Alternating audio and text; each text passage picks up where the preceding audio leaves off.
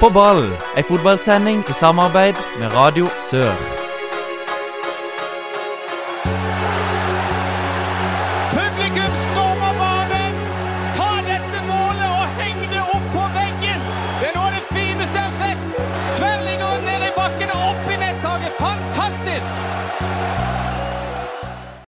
Hjertelig velkommen til en ny sending med På ball. Mitt navn er Håkon Kile, og den neste timen da blir det fotballsnakk her på Radio Sør. Anders Flatstad og Jon Rippland, dere er her som vanlig. God dag, god dag. Hva skal vi snakke om i dag, Anders? I dag blir det mye Vindbjart-snakk. For uh, ukens gjest han har vært innom Randesund, Vigør, Start og Tønsberg. Han har uttalt at han kunne ha trent hvilket som helst lag i Norge. Og han er per i dag en av de lengstsittende trenerne i toppfotballen i landet. Favorittsitatet er 'absolutt alt er mulig', 'det er umulig tar bare litt lengre tid'. Og han har stadig ambisjoner om å sette Vennesla og VFK skikkelig på kartet. Hjertelig velkommen i studio, Steinar Skeie. Tusen takk. Du, eh, hva driver du egentlig med om dagen? Nå er det forberedelse til neste sesong og evaluering av sesongen som har vært. Så går litt om hverandre, da. Har A-laget til Vindbjart eh, tatt ferie? Nei, det fins ikke ferie i fotball lenger. Men vi har litt fri for fellestreningene. Men vi har fellestrening òg. Hadde vel en eh, to og en halv uke som eh, vi var helt for hverandre. Og så har vi begynt å trene nå igjen eh, to ganger i uka. Og så trener de selvfølgelig egentrening da, eh, utover det. Har du da gitt de et skikkelig egentreningsprogram? Nei, det har jeg ikke. Det, det, de er litt frie til å Men vi, de vet jo hva de bør trene på. Det er jo mye ressurstrening og basistrening, styrketrening. Forberede kroppen på å tåle treninger som starter opp i januar igjen. Det er jo litt det mye gjenger på, da. Eh, Når er det oppkjøringa til neste sesong starter for alvor? Mm, Ja, vi starter tidligere i, i januar. Er det 4. januar eller noe sånt? Blir det like mange treningskamper som i fjor? Eller? Ja, det blir en åtte-ni treningskamper. Det gjør det. Eh, Men det, det at uh, sesongoppkjøringa begynner så lenge før sesongen start, virkelig starter, hva, hva er grunnen til det? Du kan jo ikke holdt på å ligge i dvale fram til sesongstart. og Det er jo fordi at du skal forberede deg på ordentlig vis og, og trene og øve på de tingene som du på en måte skal gjennomføre når serien starter. Eh, og så er det jo fordi at det er jo, det er jo gøy òg å spille fotball, ikke sant. Altså det, det, er jo, det, det er jo hovedgrunnen til at folk er med. Det er jo forhåpentligvis for at de tykker det er gøy. Og, eh, men det er klart at vi, vi har jo en plan når vi setter i gang treninga så tidlig. Og så er det om å gjøre å ha en god plan, sånn at ikke vi ja, gjør folk slitne i hodet og kropp og, og sånn. For det, det er en lang oppkjøring som som vi har i Norge, utvilsomt. Og eh, Steinar, din eh, tolvte sesong som hovedtrener for A-laget til Vindbjart, det blir altså nå i tredjedivisjon. Det var vel ikke helt, helt en del av planen? Nei, du planlegger aldri å rykke ned. Du gjør jo ikke det. Så uh, vi hadde jo håpt og, og trodde òg at vi skulle klare å spille andredivisjon i 2018, men uh, det ville seg ikke helt. Og derfor så må vi gå på ny giv og satse på å rykke opp igjen. Går det an å, å sette noen ord på hva som egentlig gikk galt? Ja, det er jo komplekst bilde. Nå, nå holder vi på med evalueringer nå, men uh, sånn det, det er jo flere ting som er gått galt, selvfølgelig. Og det er ikke til å stikke under en stol at uh, vi hadde 14 langtidsskader. i- Og en tropp som i Vindbjart, så er det veldig mye. Og mange av de var jo på sentrale spillere. Uh, så, så, vi var, så var vi, ikke, vi var ikke gode nok, da. Vi var ikke gode nok til å skåre flere mål enn motstanderen. Uh, Ja, men Går det an å si at spillestilen var for naiv for en såpass tøff andredivisjon? Andre andredivisjon? Nei, vi er ikke naive i Vindbjart, det er bare noe folk tror og sier det. Vi er ikke det, men vi, vi spiller, vi liker å holde ballen i laget og liker å spille oss ut. Og er i perioder gode på det, men øh, var sikkert ikke gode nok da. Men vi var likevel et av lagene som skårte mest, da, men vi slapp jo selvfølgelig inn for mange mål. Og i år, i motsetning til tidligere år, så hadde vi nok øh, Jeg har jo tallene på det òg, selvfølgelig, teller jo, mye. Så hadde vi nok flere brudd i frispillingsfasen enn det vi har tidligere. Og så slapp vi inn for mange mål på langskudd, blant annet. Så, ellers så var det sånn generelt sett eh, noe sånn prosentvis det samme på dødball og, og sånn som det har vært tidligere år, da. Du måtte jo hente ganske mange nye, eller der gikk en del inn og en del ut før sesongen òg. Blir det likt nå i år? Nja, nja. Det er jo noen som slutter, men, men eh, Og det er klart du er inne på noe der òg. Det å øve på Vindbjart-stilen, det tar tid. Og kanskje mest av alt i forhold til det å eh, bli modig nok til å gjøre det Eh, Det å forstå det, det tror jeg mange gjør ganske kjapt. da. Forhåpentligvis, i hvert fall. Hvis vi er flinke som trener, så forstår de det. Men så er det dette med å, å gjøre, eh, utføre det når du, når du er sliten, og når du er stressa, når du er pressa, og, og når det gjelder, liksom. Det er jo det det handler om. Og der var vi nok ikke gode. Det tok litt tid, men vi hadde jo noen kjempegode kamper Ja. i, i høst. Utfordra lagene som rykka opp, og var helt jevne med det. Og, ja, så, men ikke gode nok.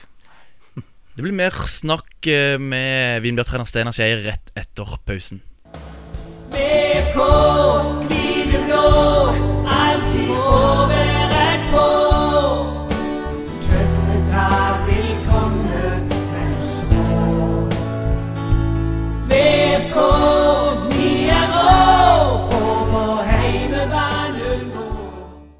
Vi har altså besøk av eh, Vindbjart-trener Steinar Skeie i eh, studio. Og John, eh, skal vi se litt mer på, på årets sesong? Ja, jeg syns det, for at Vindbjart rykker ned.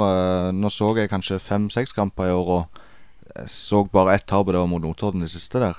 Men du sier jo sjøl før pausen at dere er veldig glad i å holde ballen i laget. Det er det ikke så mange andre lag i andre divisjon som er, egentlig, sånn som jeg ser det. Eh, I det som kalles for en utviklingsliga, iallfall av NFF. Tenker du om det?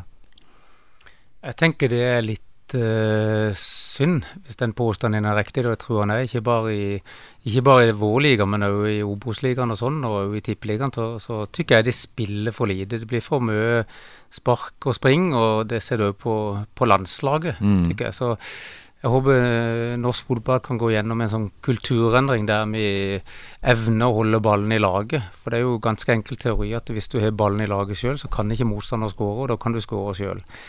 Og jeg tror jo at den spillestilen som vi har offensivt, at den er utvilsomt med på å utvikle ferdighetene til spillerne. Det, det er jeg sikker på. Samtidig så er det jo dette med som ordet relasjonelle ferdigheter, altså dette med samhandling og sånn, det er jo, det er jo noe annet igjen. Altså det å vite henne mot medspillere, og når du skal spille, og hvor du skal bevege deg, og alt det der der. Men, eh, men eh, Og, og det henger, det, pasningsspillet henger jo sammen med de tingene, selvfølgelig.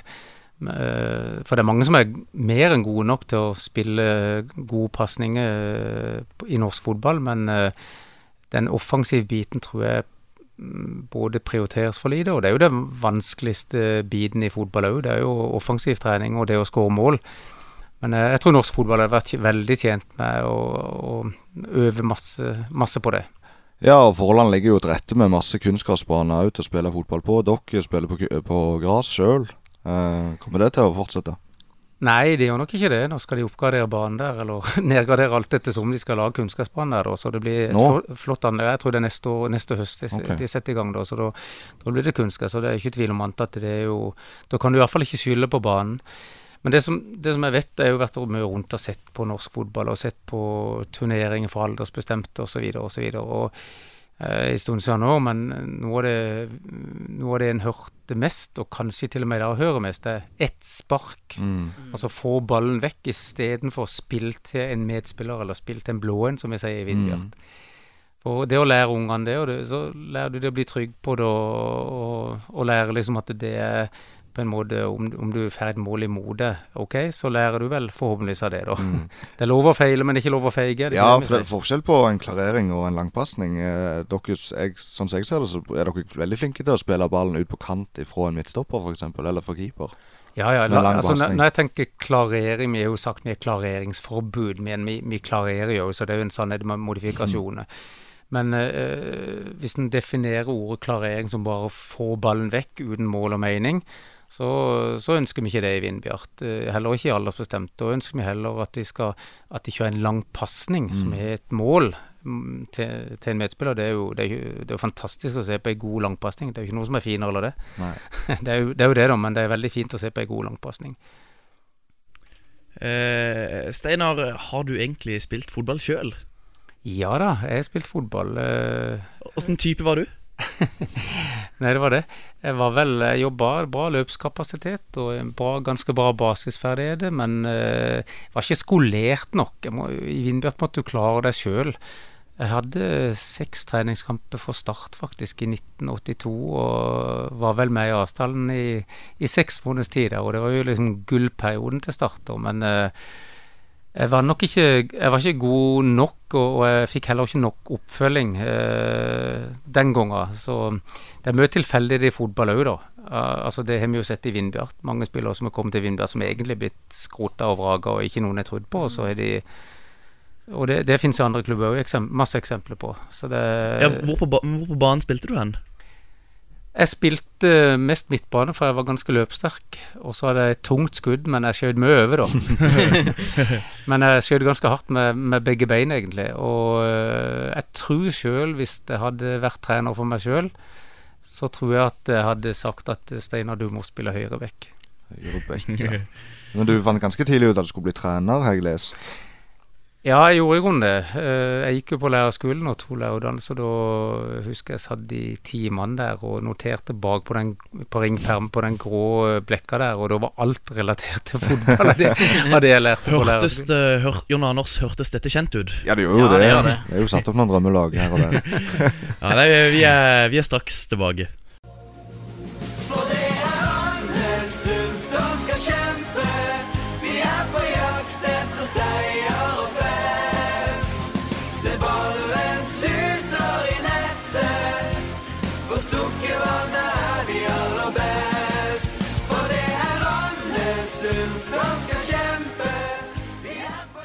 Vi må snakke litt om eh, trenerkarrieren din, eh, Steinar. Eh, Du har vært i Randesund, Vigør og Start. Eh, Randesund, hva var det du gjorde der? Vi har begynt i Vindbjart, skal vi begynne med det, da, som Ja. trener. Det var en trener som trakk seg. Og så eh, var jeg trener der litt. Grann. Jeg var ikke så gamle karen da. Var vel 27 eller noe sånt. Og så gikk jeg til Randesund. Eh, fantastisk klubb. Der var trener for A-lag, og vi fikk en fjerdeplass i fjerde divisjon. Det var beste resultatet de hadde hatt eh, den gangen, da. Og jeg spådde liksom at Randesund kom til å bli en klubb som eh, ville bli eh, ja, eh, det er jo en, det er en flott klubb og en stor klubb, men at de vil få et veldig godt A-lag. Men det har de ikke klart, så de har nok valgt sin vei i Randesund. Og ære være dem for det. De beste spillerne går vel til start og fort, ikke sant. Det er jo litt sånn alle skal med, og de har jo enormt mange, mange lag og mange spillere å ta, både håndball og fotball. Absolutt. Og det var, det, de har et nedslagsfelt som er stort, og det var en fantastisk klubb med masse, masse flinke folk, og det tipper de har i dag. Og et flott anlegg har de òg fått da, der ute. Det er litt bra at noen går den veien òg, at det ikke bare handler om A-laget i alle klubber òg, syns jeg. da, men... Ja, absolutt. Det er det, men de har forutsetninger. Nå er jo Frode Fredriksen og, og kameraten hans sin, Ja, eh, Svela. Svela, eh, tatt over, så de er jo seriøse og flinke gutter som helt sikkert vil få litt sving på det A-laget. Eh, men Vigør, kom de, de kom opp på banen etter hvert? Ja, de gjorde det. Jeg trente jo, Så gikk jeg tilbake til Vindbjart igjen etter jeg hadde vært i Randesund. Og så lå vi faktisk an til opprykk sammen med Vigør. I, Og- i tredje Det var i tredje divisjon, ja. Og så uh, fikk jeg en henvendelse fra Reidar Sagen, tror jeg det var, i, i Vigør, som spurte jeg vil, om jeg vil trene Vigør neste år. Og da uh, sa jeg åpen for å diskutere det, men vi er nødt til å vente til sesongen er over. Fordi at uh, det var Vindbjart og Vigør som kjempa om opprykk, og det var en opprykkskamp på Hellemyr. Og der sto jeg og visste at jeg kom til å trene ett av lagene. Jeg hadde egentlig bestemt meg å trene de som rykker opp. Og hadde Vindbjart fått uavgjort, så hadde vi rykka opp, og så vant Vigør 1-0. Det var vel Andreas Lund som skårte den gangen. Og så trente jeg Vigør, og ja, da gjorde vi det veldig bra der òg, faktisk. Vi, holdt, eh, holdt jo, vi spilte kvalifisering, det var den gangen det var de, de uh, omgjorde systemet sånn at det ble uh, vel bare én førstedivisjon. Ja. Og vi vant vår andredivisjonsavdeling og spilte kvalifiseringskamp mot Byåsen, som var et av de beste lagene i førstedivisjon. Eller sjette beste laget var det jo. Og eh, fikk juling der oppe, holdt på å ta de her. Men eh, det, var en, det var en flott sesong med masse gode spillere. Hvilke, Kan du nevne noen navn? Ja, du Tor Løvland, Ola Klipp var med litt, og det var Tommy Alle Thomassen var jo med litt, og eh, ja, det, det var flere kjente navn. Så et godt lag. Spilte dere samme fotball som du vil spille nå? Nei, jeg gjorde ikke det. Nei, det Eh, Etter jeg hadde vært i Tønsberg, da hadde jeg bestemt meg for å gjøre noe helt annet Ja. eller det jeg hadde holdt på med i alle år. Så det var en markant endring eh, i mitt hode og, og min verden, fotballverden. Eh, Etter Vigør så Etter Vigør så trente jeg vel Start 2. Meg og Bård Wiggen ble ansatt på like vilkår. Ja, så uh, se åssen det går. Ja, han endte jo i ja, ja, Vi- Viking er jo en egen historie, men nå ender han altså opp i eh, FC København Ja. Bård i København og Steinar i Vindbjart. Mm. Så eh, vei, veiene skilte lag etter hvert der, og, og sånn, og han har jo gjort en, en helt annen karriere enn jeg har gjort. Men jeg har hatt det gøy underveis, da. Kjempegøy. Og så kommer vel Tønsberg òg på banen. Så kom Tønsberg på banen, og jeg fikk tilbud der. Jeg hadde jo tilbud fra Arendal, og som første trener i, i Arendal.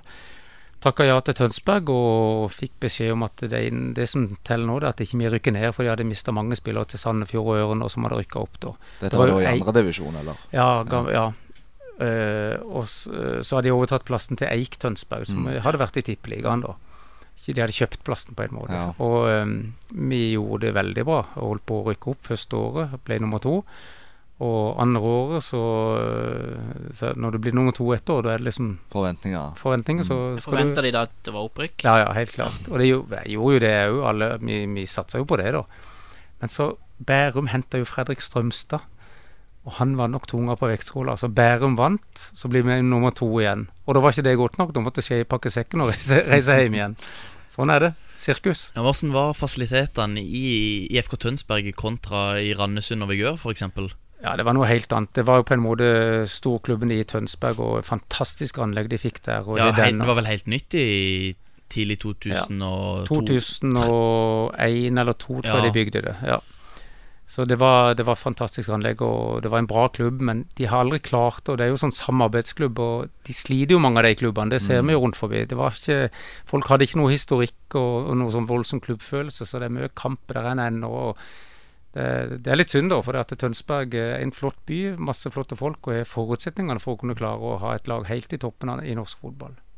Vi er straks tilbake.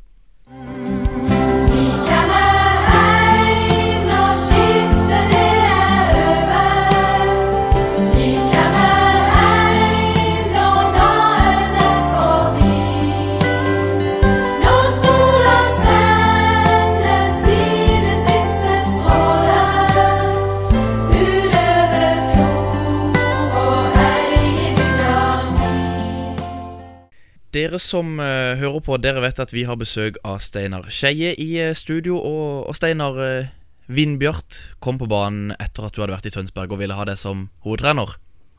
Ja, jeg hadde først vært litt med på å Komme tilbake og jobba litt med talentutvikling, da.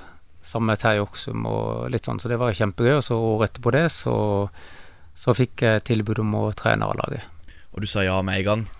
Ja, altså jeg kjente klubben, og jeg hadde jo tatt en lang utdannelse og hadde masse erfaring og, og sånn, og det er jo ikke så veldig mange som, som tar trenerutdannelse og satser på det, da. Så jeg tykte det var naturlig å så Jeg gitt opp egentlig min egen karriere eh, eh, på mange måter, fordi at eh, å reise rundt med familie på, med tre stykk på slep pluss eh, fruen, det hadde jeg ikke lyst til å gjøre, rett og slett.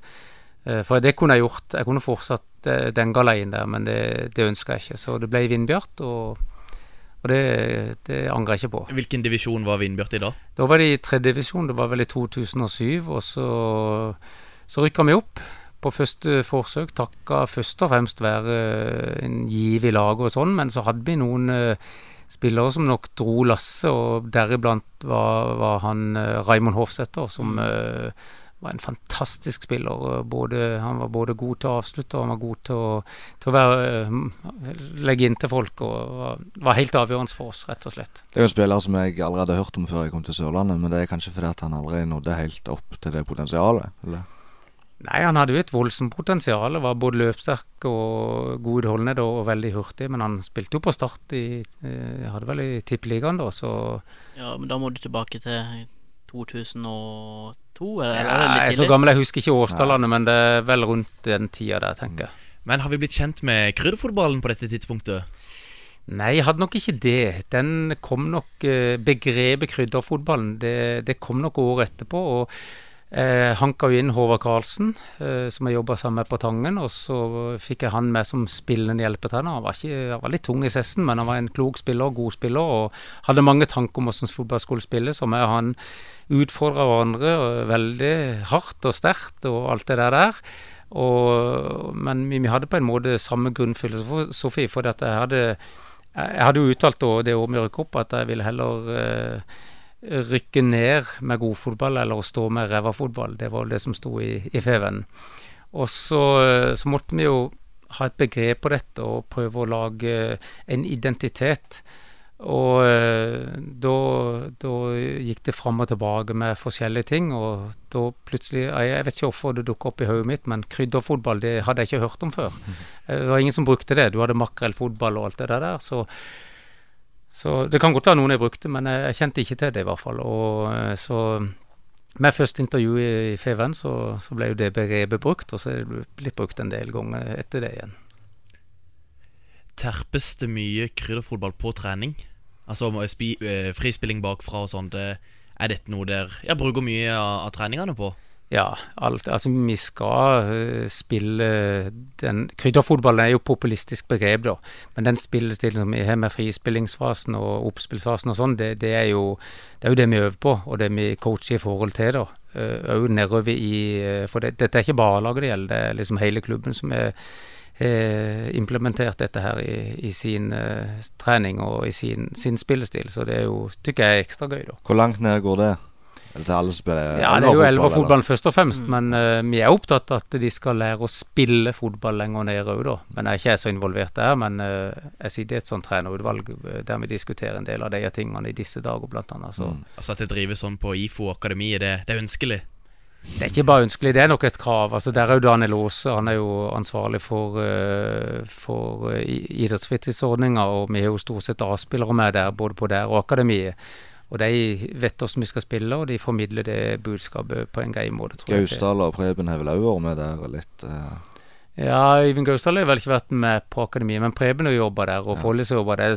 Altså Veldig mange A-spillere har jobba der. Iman Mafi, eh, Mathias Engbertsen, Adam Pytel har jobba der i år, ikke sant. Og så det, det er flinke folk som har jobba der, og de, de har formidla, som sagt, den krydderfotballen videre ned i systemet. Steinar, har du et eh, favorittlag, og, og hvorfor er det Barcelona? det var det. Nei, jeg er inspirert. Jeg liker god fotball, og det er jo ikke tvil om at Barcelona representerer noe som jeg tykker er veldig fint i fotballen. Eh, Men det er ikke sånn, jeg er ikke sånn at jeg har noe sånn voldsomt favorittlag. eh, For at nå har jeg faktisk blitt glad i å se på Tottenham. For at de spiller en fantastisk fotball med Christian Eriksen i spissen, som er faller mitt hjerte nært, altså. Det må jeg bare si. Og så har jeg jo en liten forkjærlighet til, til Liverpool, som har sin historie og sin kultur. Og jeg har vært i Liverpool og øh, vært inne på på Mel Melwood, er ikke det det heter, treningsfeltet som det er, og Yes. vært helt tett inne i, i hjertet av Liverpool-systemet der. Så jeg kjenner nok det banker litt ekstra der òg.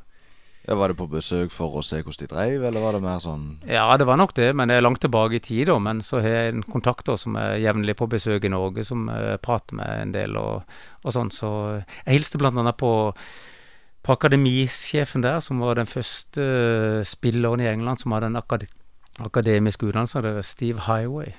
Ja, han spilte jo grei fotball òg, han. Ja, han var ganske god. Men det var en helt annen greie å være det, der. er det han eh, Frank Sharps eh, som Det er helt korrekt. Det er Ja. han som er kontakten, da. Ja.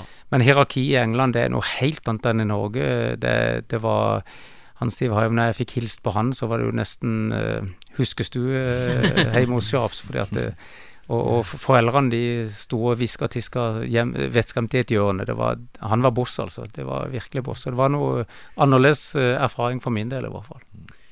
Vi er straks tilbake. Nei, altså Dette er jo perfekt for oss. Vi ønsker det perfekte manuset, cupeventyret. Så vi kan få 2-2 nå til, til slutt. Og så får vi en straffekonk der vi har uh, Superbojar i mål. Redder to og avgjør til slutt med å skåre. Hvis vi skal se litt på noen enkeltkamper, Steinar, eh, er det noen spesielle kamper du vil, du vil trekke fram som ekstra minneverdige?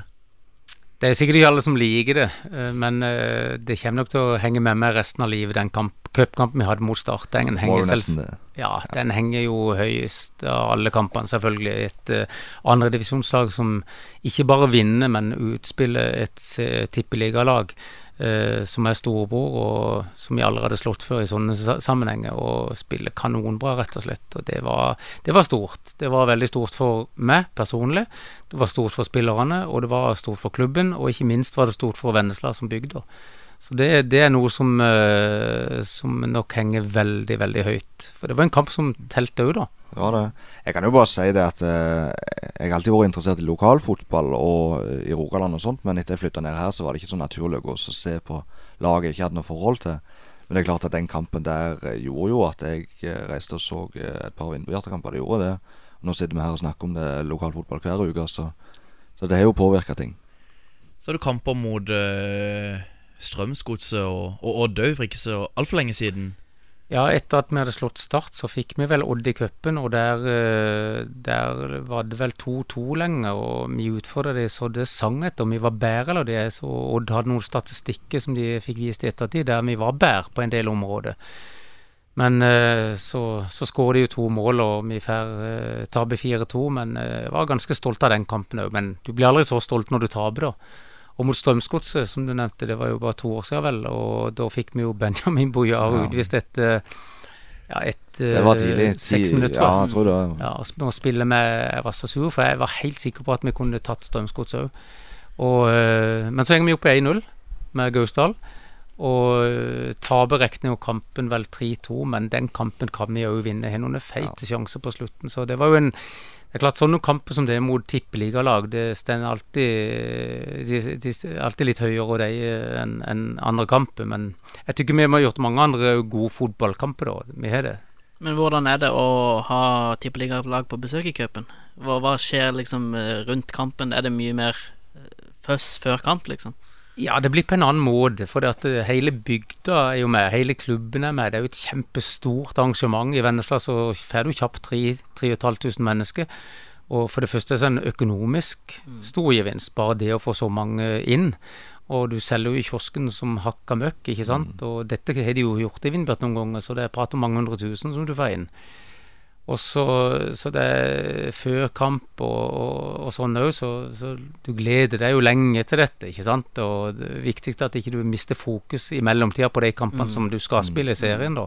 Men vi har jo takla det rimelig greit, tykker jeg. Så cupkampene det er en høydere for alle lag i andre divisjon som møter tippeligalag. Og det er jo mange som vinner etter hvert, men det er ikke mange som vinner på den måten vi gjorde. Eh, Jeg leita litt tilbake i tid. 2014, andreplass bak Jerv. Er det det nærmeste dere har vært opprykk til førstedivisjon? Ja, det er nok det.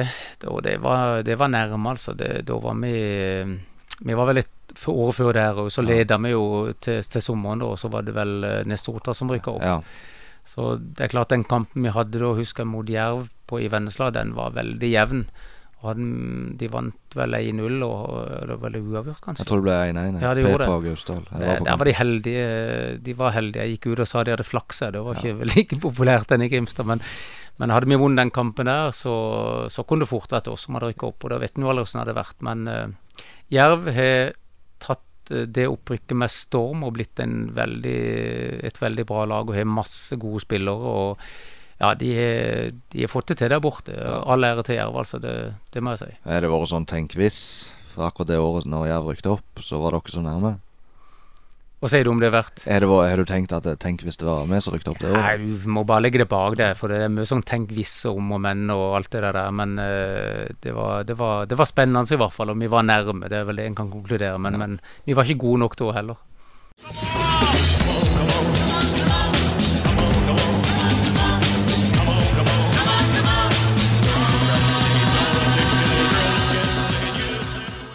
Vi må snakke litt om uh, futsal-NM som ble spilt i Gimlehallen uh, nå i helga. Og det var Lund futsal som slo Laksekongene i finalen, uh, John. Ja, vi fikk jo ikke gått på lørdagen der det er så mye som skjer i de her helgene når det nærmer seg eksamen. Men vi fikk med oss det viktigste på, på søndagen, med mye god fotball i Gimlehallen.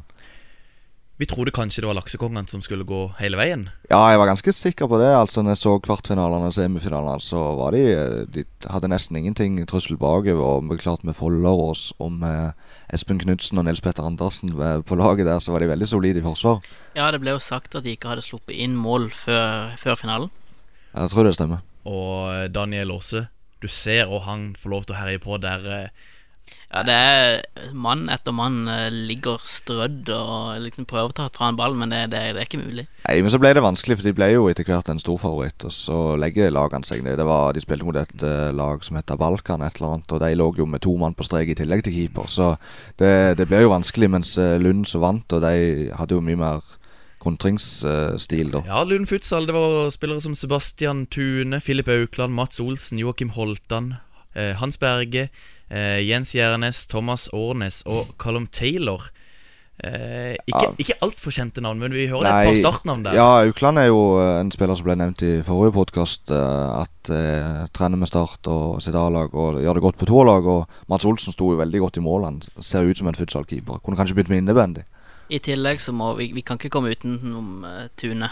Eh, både i semifinalen og finalen så er han enorm. Mm, Skåret to mål i finalen. Ja, Han skårte jo alle de sitt lag sin mål vel i kvart, semi og finalen. Ja, Ja. Men jeg vet ennå ikke helt hvor han spiller enn til vanlig. Han, spiller, han er kaptein i Øystese. Som okay. vant sin fjerdedivisjonsavdeling. Mm, og han har tidligere vært innom Os, vet jeg. Så Ja, og så må vi legge, legge til at det var jo spillere fra hele landet her, og et lag fra Trondheim som heter Ranheim Futsal, stilte jo. Og, så det at eh, Lundlaget her vinner, det er jo veldig sterkt. Og morgendagens helter, eh, Tobias Christensen og eh, han eh, Sjøkvist og Sebastian Hornes. Og Jugland. Uh, og han Fredrik Christensen Dahl, de så også veldig lenge ut til å Absolutt veldig teknisk lag. Jeg tror Steinar hadde likt å sitte på dem. Altså. Det, var, det var krydder, det de holdt på med. Men uh, de nådde ikke helt opp. Uh, Lund Futsal de får altså pokal og gratis deltakelse i neste års NM. De får gratis deltakelse i neste indoor futsalturnering. Og de får kvalifisering til Mesterligaen i Tsjekkia. Ja, det er spennende. I år så hadde vi jo òg et Kristiansandslag i med, med Volvo 240. Men de klarte vel ikke å hevde seg helt oppe Eh, Anders, har du et høydepunkt fra, fra helgas futsal-NM? Det må nok være den kampen som vi fikk se med Morgan Nei, ikke Morgenlands helter. eh, laget til Åse. Ja, Laksekongen. Laksekongen mot eh, Balkan. Når, eh, når når det liksom er enveiskjøring, og du får se, se Åse leke med ball, og, og, og de bare står og stanger. Men utrolig gøy å se de forskjellige lagene òg. De hadde disse her eh, Albos med Wilhelm Pepa og Håpovak og Håpovak og Sinan Maksumic og Ja, det var veldig bra søndag i Rauge så tidlig. Og så hadde vi jo andre spillere.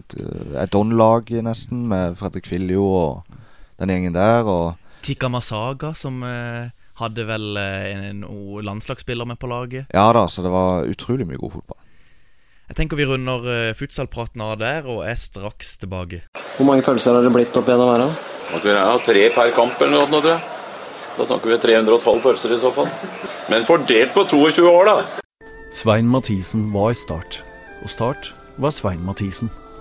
Tross 25 landskamper for Norge var han først og fremst den store klubbspilleren. Matta ble han kalt, gjennom mer enn 300 seriekamper og 106 mål for de gule og svarte. Ingen har flere, og ingen har gledet Sørlandet så mye. Våre ambisjoner det er å underholde. Og så eh, får de andre ta seg av medaljene.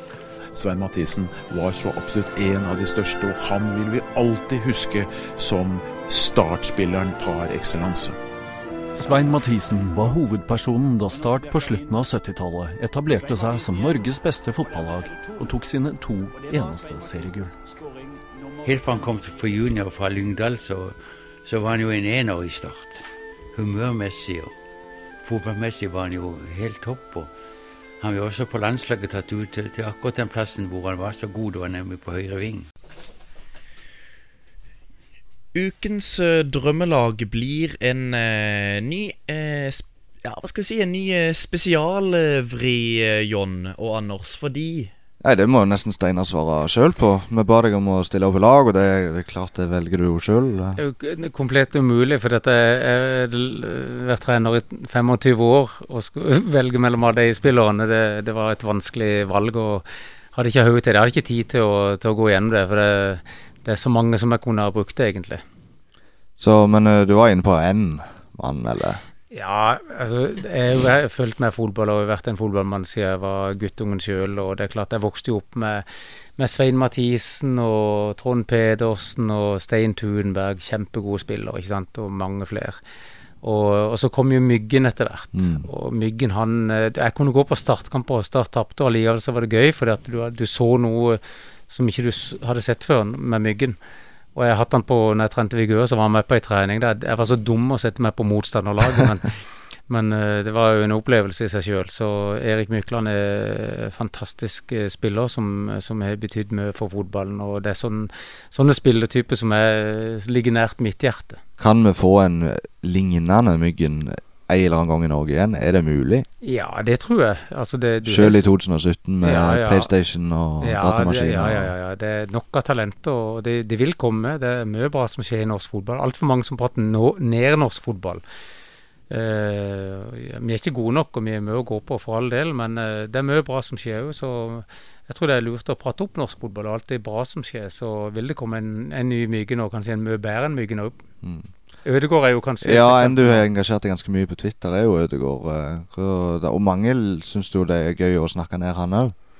Ja, det er noe greier der, Anne. Og det, sånn gjorde de med Myggen òg. Mm. Og nei, han var altfor liten, altfor tynn, altfor lett. Eh, men men eh, det var mange som trodde på han. Jeg var en av de, og jeg, på Ødegaard gjorde jeg, jeg tror på Altså, det du ser med Ødegaard, han er jo en god basisferdig, god teknikk og sånn, men du kan liksom Du må ha et trent øye for å se klokskapen hans sin. Mm. Da må du ha fotballforståelse, og det er jo en del som uttaler seg som- ikke er så høy fotballforståelse, da. Og så når du ser en del av de tingene han gjør med ball, så, eh, og de valgene som han gjør, så, så er det på et meget, meget høyt nivå, da. Men eh, siden du ikke tar ut et lag sjøl, så kan vi jo si noen navn for deg. Altså Du har jo i Start så har du trent uh, Marius Johnsen og Fredrik Strømstad, blant annet. Ja, det er to gode spillere som må fall hadde kommet på benken. Ja. og så, så er jeg litt interessert i deg du henta til Vindbjart. For du har hatt, eh, nå nevner jeg bare noen. Benjamin Bojar, eh, Thomas Sernikov, Simon Larsen, eh, Daniel Aase, Henrik Ropstad. Ingen av disse er jo Vendøla. Men eh, dere har jo, du har henta dem til Vindbjart, da. Ja, har det. Og Hvordan det, eh, henter du spillere, egentlig? Nei, det er jo litt forskjellig, det. Henrik Opstad han var helt tilfeldig. Traff han på Hovden eh, sammen med foreldrene. og eh, gikk jo sammen med faren til Henrik på skolen. og Begynte å prate med Henrik og spurte hva han skulle neste år. Han visste ikke, han var vel mer eller mindre skrota i start. Og Så inviterte han på trening. 16-åring, tynn, hengslete. Kom og viste at han hadde noe i seg etter hvert. Og ja, så kjenner vi historien på det. Uh, Simon Larsen var ute og så på en kamp mot Grane. Eller Arendal. Nei, det var Gran, tror jeg. Ja, Marius Brun Henriksen skårte fire mål i den kampen, så jeg sendte brev på han òg. Hvor spilte Simon Larsen hen da? Da spilte han, mener inne på midtbanen i Randesund. I Randesund, ja. ja. Og, øh, og så var det jo ett år i Vindbjart, så ser jo historien resten der òg. Og Daniel Aase kom Tyskland sjøl. Willy Peper hadde sagt til meg at du, det er en veldig god spiller på Start 2. Han gjør alt, alt med ballen, sa han. Han Kan alt med ballen, han tryller. Og så kom Daniel Tyskland, spurte om han kunne få lov til å være med og trene med oss, og sa ja til det. Og så kjenn historien på den. Så det er litt sånn at det, det går litt via kontakter hvis du hører noe om en spiller og sånt, så du følger litt Ja, ekstra en må jo følge med sjøl, men det er Mm. klart det, det, Vi har jo kontakter rundt forbi som tipser oss på spillere og sånn som en er ute og ser på, så, så det, det er litt av hvert, ja. Mm. Eh, Benjamin hadde jeg jo sett egentlig i alle år, at han, han er 94-modell, og det er sønnen min òg. Ja. Og, og jeg hadde jo sett mot Vigør Jeg husker jeg så Benjamin da han var tolv år. Wow, han, han kan bli god. Og han, han er jo blitt god. Mm. Så det, det er mange måter man oppdager spillere, og da noterte jeg jo selvfølgelig det navnet og fulgte med han. Eh, Steinar, er det noen spillere altså norske spillere utenom Martin Ødegaard som du skulle ønske deg i Vindbjart? ja, det er, det er mange, det. Uh, Har du noen favoritter? Ja, jeg, ty, jeg, jeg må si jeg tykker Sander Berge. Han er jo litt annen spillertype, men han er noen rå ferdigheter og virker som en, en spiller med bra pondus. Han tror jeg kommer til å nå langt, da. Så, eh, det er no, men det er jo flere òg. Han um, sønnen til han journalisten i VG Uh, Sol- Deli. Dæhlie, Dæhlie, ja. Han, han tykker jo er en god spiller, og det er Mm. masse eh, spennende med han. Så det, det, det er mange gode norske unge spillere som vil komme nå, det, det er jeg sikker på. Så du har jo ja, du har en som gikk ifra Fram Lavik, jeg husker ikke navnet på han, han gikk til et akademi i England. Var det Southampton eller noe sånt? Ja. Mm. Fantastisk. Det er nok den spilleren som imponerte imponert meg mest i år. Han var 15 år. Han styrte spillet som om han skulle være 30 år. Mm. Fantastisk god spiller. Og ja, dere får jo google navnet på han. Ja, jeg, han, han, han vil bli Jeg har det på tunga, men jeg husker ikke ja. Han kommer nok til å, til å Det navnet kommer til å komme fram etter hvert, det er helt sikker. Jeg regner med Steinar du ser mye i Eliteserien? Ja, jeg ser mye fotball sånn generelt sett. Det er heldigvis ei kone som er in interessert i fotball, så vi ser mye fotball på, på skjermen etter hvert nå. Så. Hvem er årets spiller i Eliteserien? Oi. Jeg, jeg ser det har blitt nevnt uh, som Bentner, Samuel Adegbenro, Tor Reginiussen, Ohi. Ja, jeg jeg har jo ikke sett alle lagene så nøye. Jeg har sett noen lag mer enn andre, men han, eh, han i Viking, som gikk fra Viking til mm, Samuel, Samuel. Samuel. han, han, er- han har noe ekstraordinært over seg. Det er det ikke tvil om. Og så er det jo gøy med Bentner, da, som alle, mange dømte nord og ned. Og det er sånn i fotball. Mange dømmer nord og ned, og det gjør de over en lav sko. Og så klarer de allikevel å lykkes. Og det, så det må unge spillere huske. Jeg spiller hos meg, og jeg har hatt spillere hos meg. Nei, han kommer aldri til å lykkes. ikke sant? Simon Larsen nei, han kom til å spille på Vålerenga 2. Ikke sant? Altså, det, det var det som var, ble prata mye om.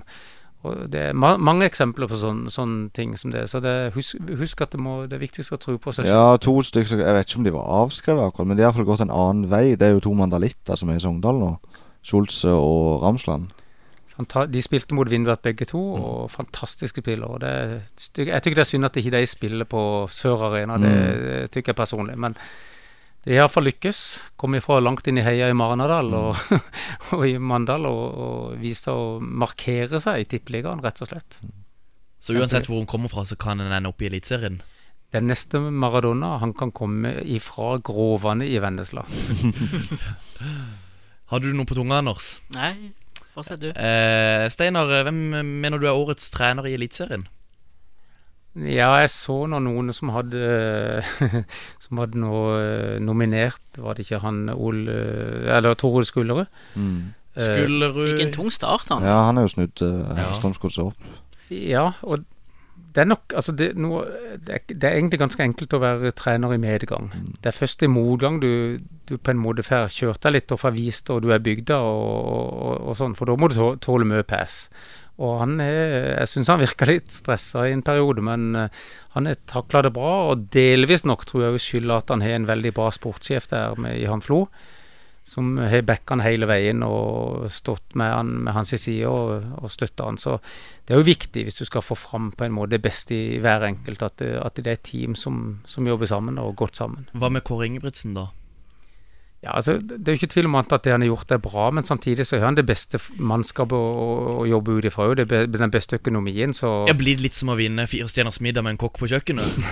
ja, det, er- jeg tror, det- altså det, det, er som, det var som han Pep Guardiola sa just, jeg hørte et intervju med han, hva er det viktigste for å lykkes som trener? Og svaret er jo ganske enkelt og helt riktig, det er å ha gode spillere. Absolutt. Og det går. Ja, John Anders, er det noen favoritter? Hva med, hva med han Mikkelsen i Kristiansund? Ja, jeg syns det er veldig imponerende det han har fått til der. De spiller jo ut ifra det de har. Og det er klart det er første sesongen de er oppe i Eliteserien òg, og de har vært veldig gode på hjemmebane. Men eh, nei, jeg heller nok eh, litt mot eh, Skullerud. Og det er klart Ingebrigtsen òg. Det er jo ikke første året han vinner med de, og når han tok over, så var ikke Rosenborg der de er nå. Så han er jo heva de. Så kan vi ikke komme utenom Geir Bakke heller, som har gjort en kanonjobb i Sarpsborg. De skal, Ja, så- vel, de skal vel spille cupfinale? Ja da, mot Lillestrøm. Ja, og Sarpsborg er jo Det er litt sånn sjarmerende med dem, fordi eh, de henter jo spillere som litt ukjente spillere på litt lavere nivå. og De bruker ikke all verdens av penger, men er veldig veldig flinke til å se potensialet hos spillerne. Og jeg er jo litt sans for det. Det er vel de fleste, Ja, det er klart det. Og det er jo litt det samme som du har gjort når du henter noen ifra tredje og fjerde. Ja, prinsippet er jo sånn Ja. sett det samme. Det er ikke bare meg, da. Det, Nei da. det er mange øyne som ser i Vindbjart. Og Steinar Skei eh, Vindbjart er ikke bare, langt ifra bare Steinar Skei, det er mange flinke folk. Og, Har dere andre ansatte i Vindbjart? ja, det er jo ingen som er fulltidsansatt Nei. i Vindbjart. Verken meg eller noen andre. Og det nok, burde nok kanskje vært en daglig leder, Mm. så stor som klubben er blitt, og en, en sportslig leder kanskje, og sånn. Så, men det gjenger på økonomi. Det er en Mm. prioritering. Eh, jeg kom på en ting nå. Eh, Hva er status på Kristoffer Syvertsen? Ja, det, det, han er jo en historie for seg sjøl. Han skrev jo vel noe på Facebook, en lang greie der, som eh, en flott gutt. God spiller. Eh, Han er krydderferdig. Da. Han kunne blitt eh, neste krydderkongen. Men så valgte han da å reise til Spania. Men er han på kontrakt under Vindbjart? Ja, han er det. Så når han kommer tilbake igjen, så håper jeg at han, at han spiller for oss. For han er jo en, en veldig spennende spiller. Men litt søkende og litt drømmende og litt eventyrlysten. Og reiste til Spania på noe eh, greier der. Jeg tror ikke opplegget var helt sånn som hadde venta, men uh, En har jo sammenligna det som eh, Randesund Junior C. Og såpass, ja. Enkel, enkelte treninger. Ja, det er jo litt synd, da. For at, eh, hvis du er en dårlig treningshverdag, så kan du fort falle ned på, på nivå.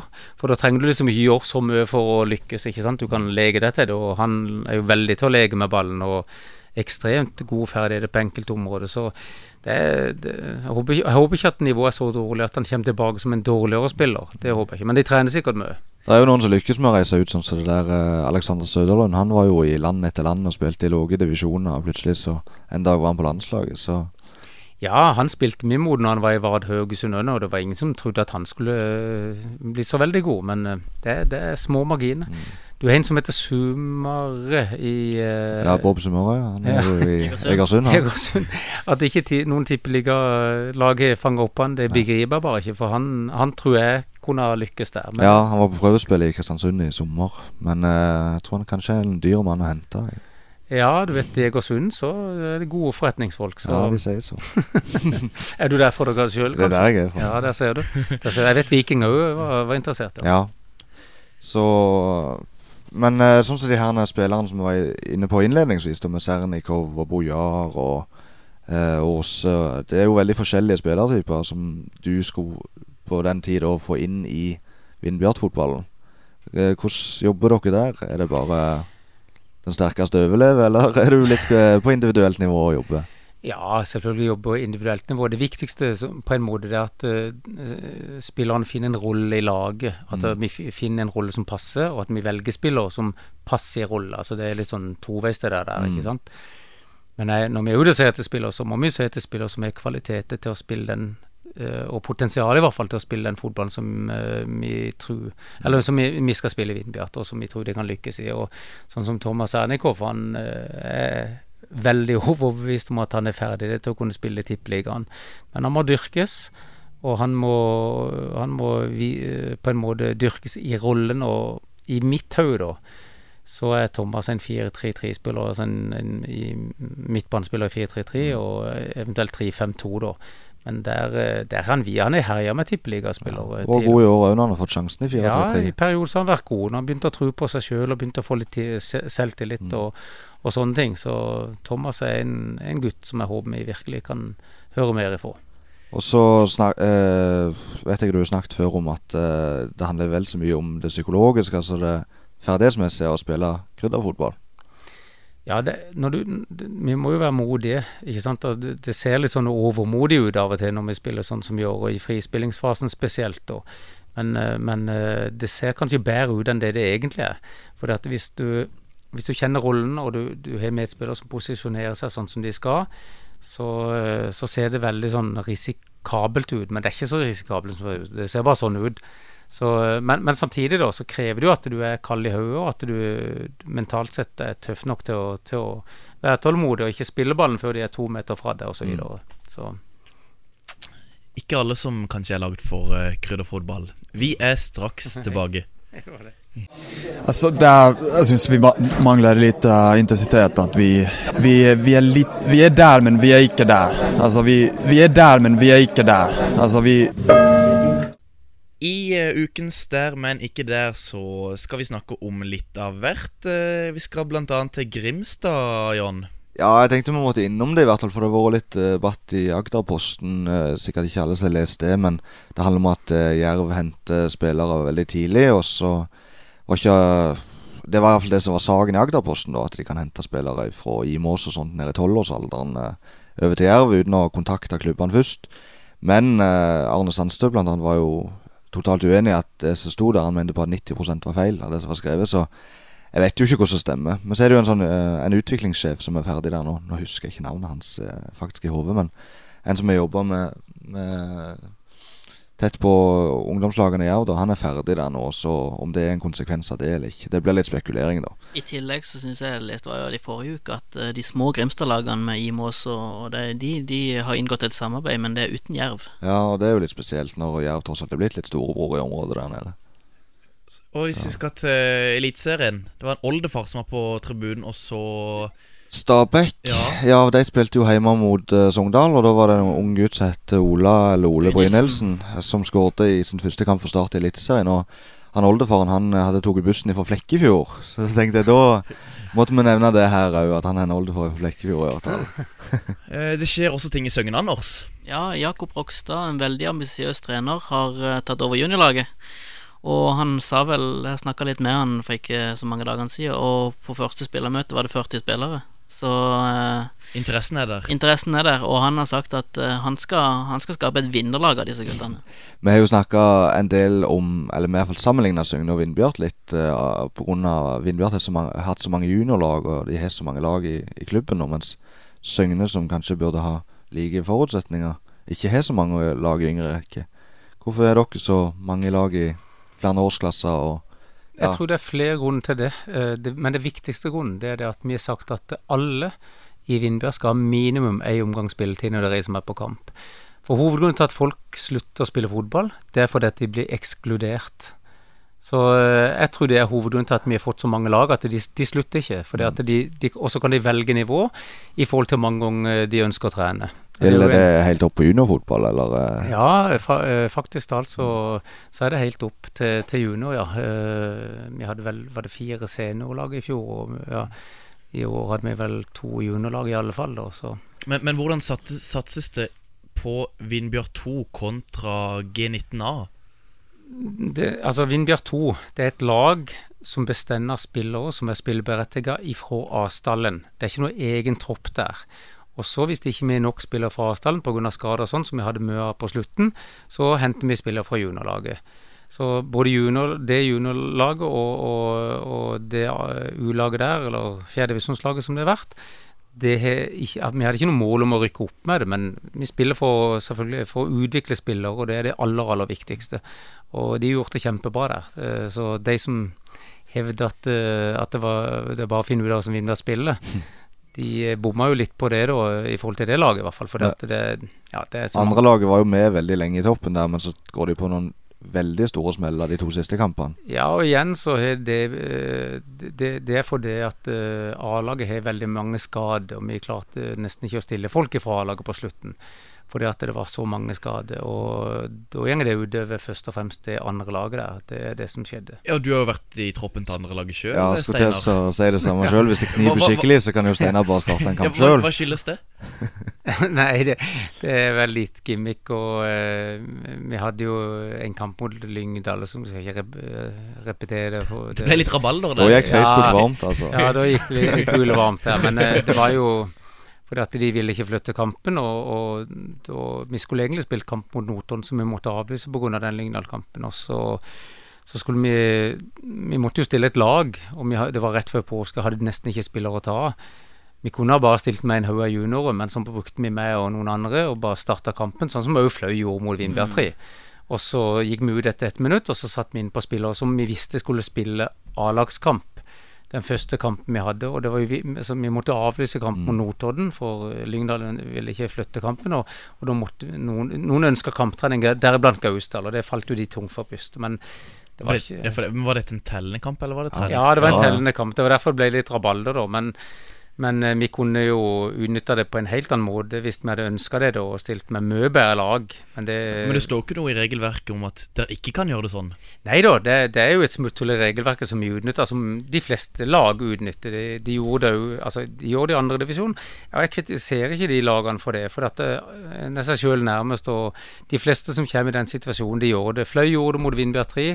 Og du ser flere andre lagene mot slutten av sesongen når de trenger å holde lagene i f.eks. andre divisjon, gjør det samme. Ja, ja, ja. Det- Skjedde med Odd 2, blant annet, Ja. som dere var i Ja. sammen med. så Det gjorde det. Så det, det systemet er sånn, da. det, det er jo ikke bra. Det burde kanskje ikke være sånn, men det er sånn det er. Og man gjør, en gjør ikke noe ulovlig. Men jeg ser jo at det kan bli oppfatta som mye sportslig, da. Men uh, i hvert fall så er reglene sånn, og det Men uh, bør disse andre lagene ha en egen eh, liga eller avdeling?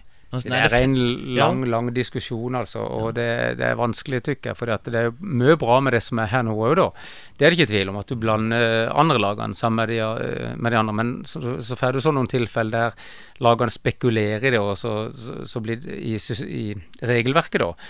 Og så blir det fort litt urettferdig, og jo høyere opp du kommer, jo mer penger det dreier seg om. ikke sant? I andre divisjon så er det jo prat om millioner kroner som det satses. og når- da andre lagene der til eliteserielagene driver og topper, noe, noe ikke er opplevd med Odd i år, egentlig, sånn spesielt i hvert fall, men tradisjonelt sett så har de bedre lag hjemme enn borte.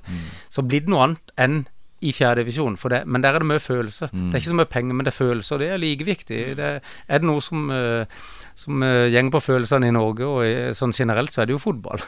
Og i femte divisjon og fjerde. Hadde blitt skikkelig vanskelig hvis du skulle hatt sånn annen lagserie. I hvert fall hvis du måtte reist eh, land og strand rundt for å spille på et nokså høyt nivå. Hvis ikke så var jo alternativet at Vindbjørn måtte spille mot Start sitt toerlag og alle de lokale toerlagene der. Og da Ja, det er et alternativ, det, det er det ikke tvil om. Det er fullt mulig å gjøre det, men og jeg, jeg, jeg, slutta å bry meg så mye om det, for jeg tror det- en får ikke gjort noe med det likevel. vi rekker ikke å løse Nei. det i dag. Det gjør vi ikke. Vi er straks tilbake. Han hadde jo, gikk jo fra å være en beskjeden ballvinner til å bli, dessverre for han, popstjerne sammen med Fredrik Dos Santos og, og Raymond Kvisik, et eller annet tragisk boyband. Han var jo den, det nærmeste vi kom popstjerne da. Med damer som løp, løp etter han, og det var jo helt bananas der en stund. Om er dum, eller hva sier det? Vi eh, nærmer oss slutten på eh, ukens sending. Og Anders og John, har dere noe, noe mer dere vil spørre Steinar om? Jeg tenker jo vi må litt inn på neste sesong. altså Det er jo en stund til sesongen begynner, men du, arbeidet har jo allerede begynt, som du sa tidligere her. og Det er jo en uh, omlegging uansett hvordan du snur og vender på det. Kanskje med litt mindre inntekter, og, men likevel kanskje vel, ikke vel så stort, men et veldig stort eh, sportslig, uh, sportslig utfordringer uansett. Med å spille i tredje, tenker jeg. Ja, det er ikke mindre inntekter. Vi har samme inntektene som vi, som vi har, men det er er mindre utgifter. ja. Ja, ok. Så vi har større økonomiske muskler, faktisk. eh, Så det er en kjempefordel. Rikard. Ja, men det er kjempefordel. Det er, det er spisser der òg, så det, vi kan Mm. ikke spasere oss gjennom, gjennom den uh, divisjonen der. Men uh, Fløy gikk jo ned og rett opp igjen. Eh, nå var Fløy et veldig sterkt lag, men er det allikevel eh, noe som kan ikke, inspirere litt? At det, Ja, de har iallfall vist at det er mulig å gjøre det, men eh, når det er sagt, så, så satsa jo Fløy før sesongen som om de skulle vært i andredivisjon. Mm.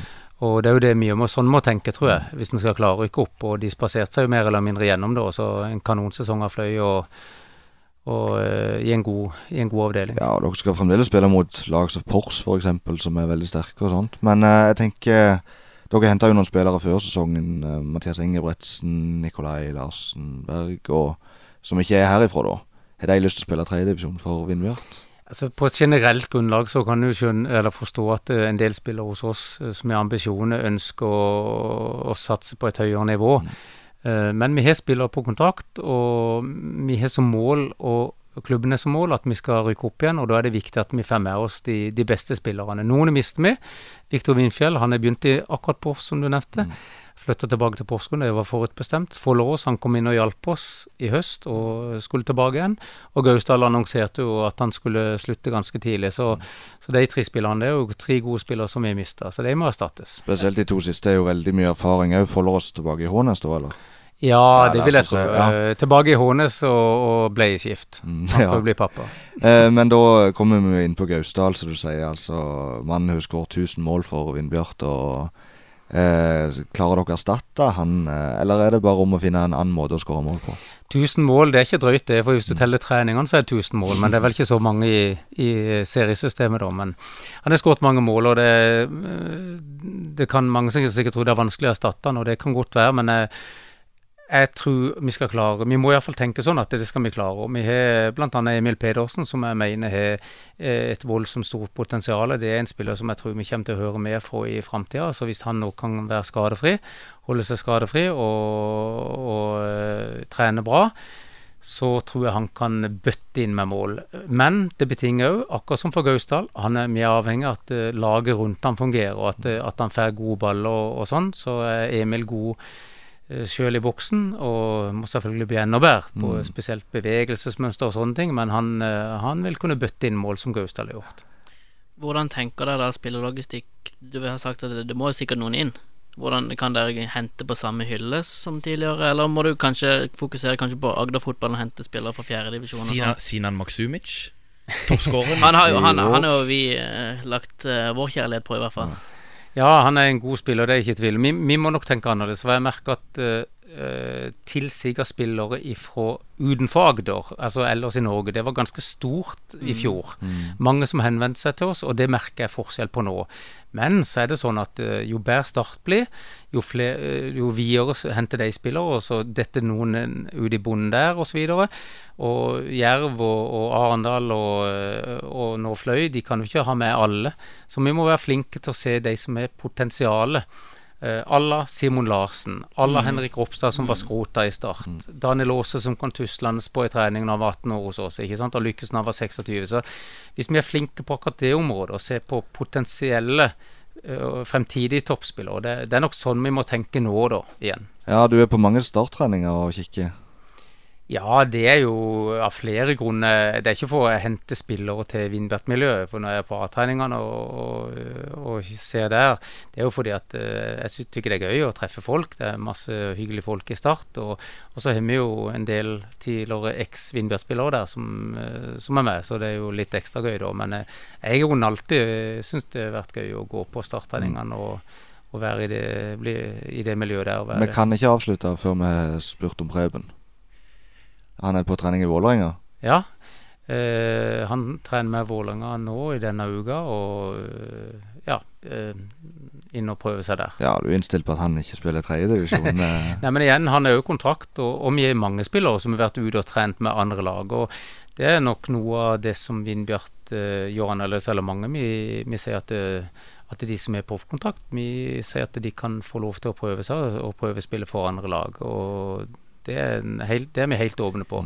Så, så vil tida vise om de lykkes eller ikke. og Det, det er små marginer i fotball. Som ser. og det, det er mange ting som spiller inn i forhold til å lykkes. og Har dere hatt noen inne på trening nå i Ja, vi har det, men det er mer sånn lokale gutter. Ukjent navn, men de navnene kommer til å blomstre vet du, en dag. Samtidig ser vi at eh, tidligere Vindbjart-spiller Martin Høiland Han trener med Start denne uka. Eh, og så kan vi også ta Åh, nå står det helt stille her.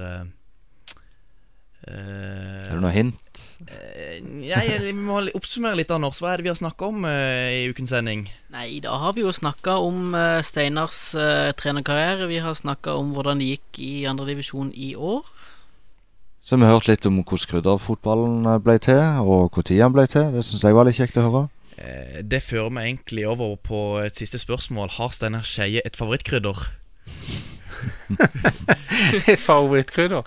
Ja eh, Jeg tykker jo at jeg savner Daniel Aase og det han gjør med ballen på treningene.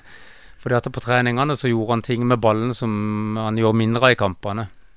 Så akkurat det krydderet der med Daniel Aase Han er nok krydderkongen i, i Vindbjart. Eh, Han er nok det, så eh, han savner. Men eh, han er en del av klubben allikevel, så, så han eh, formidler krydderet videre til potensielle krydderspillere.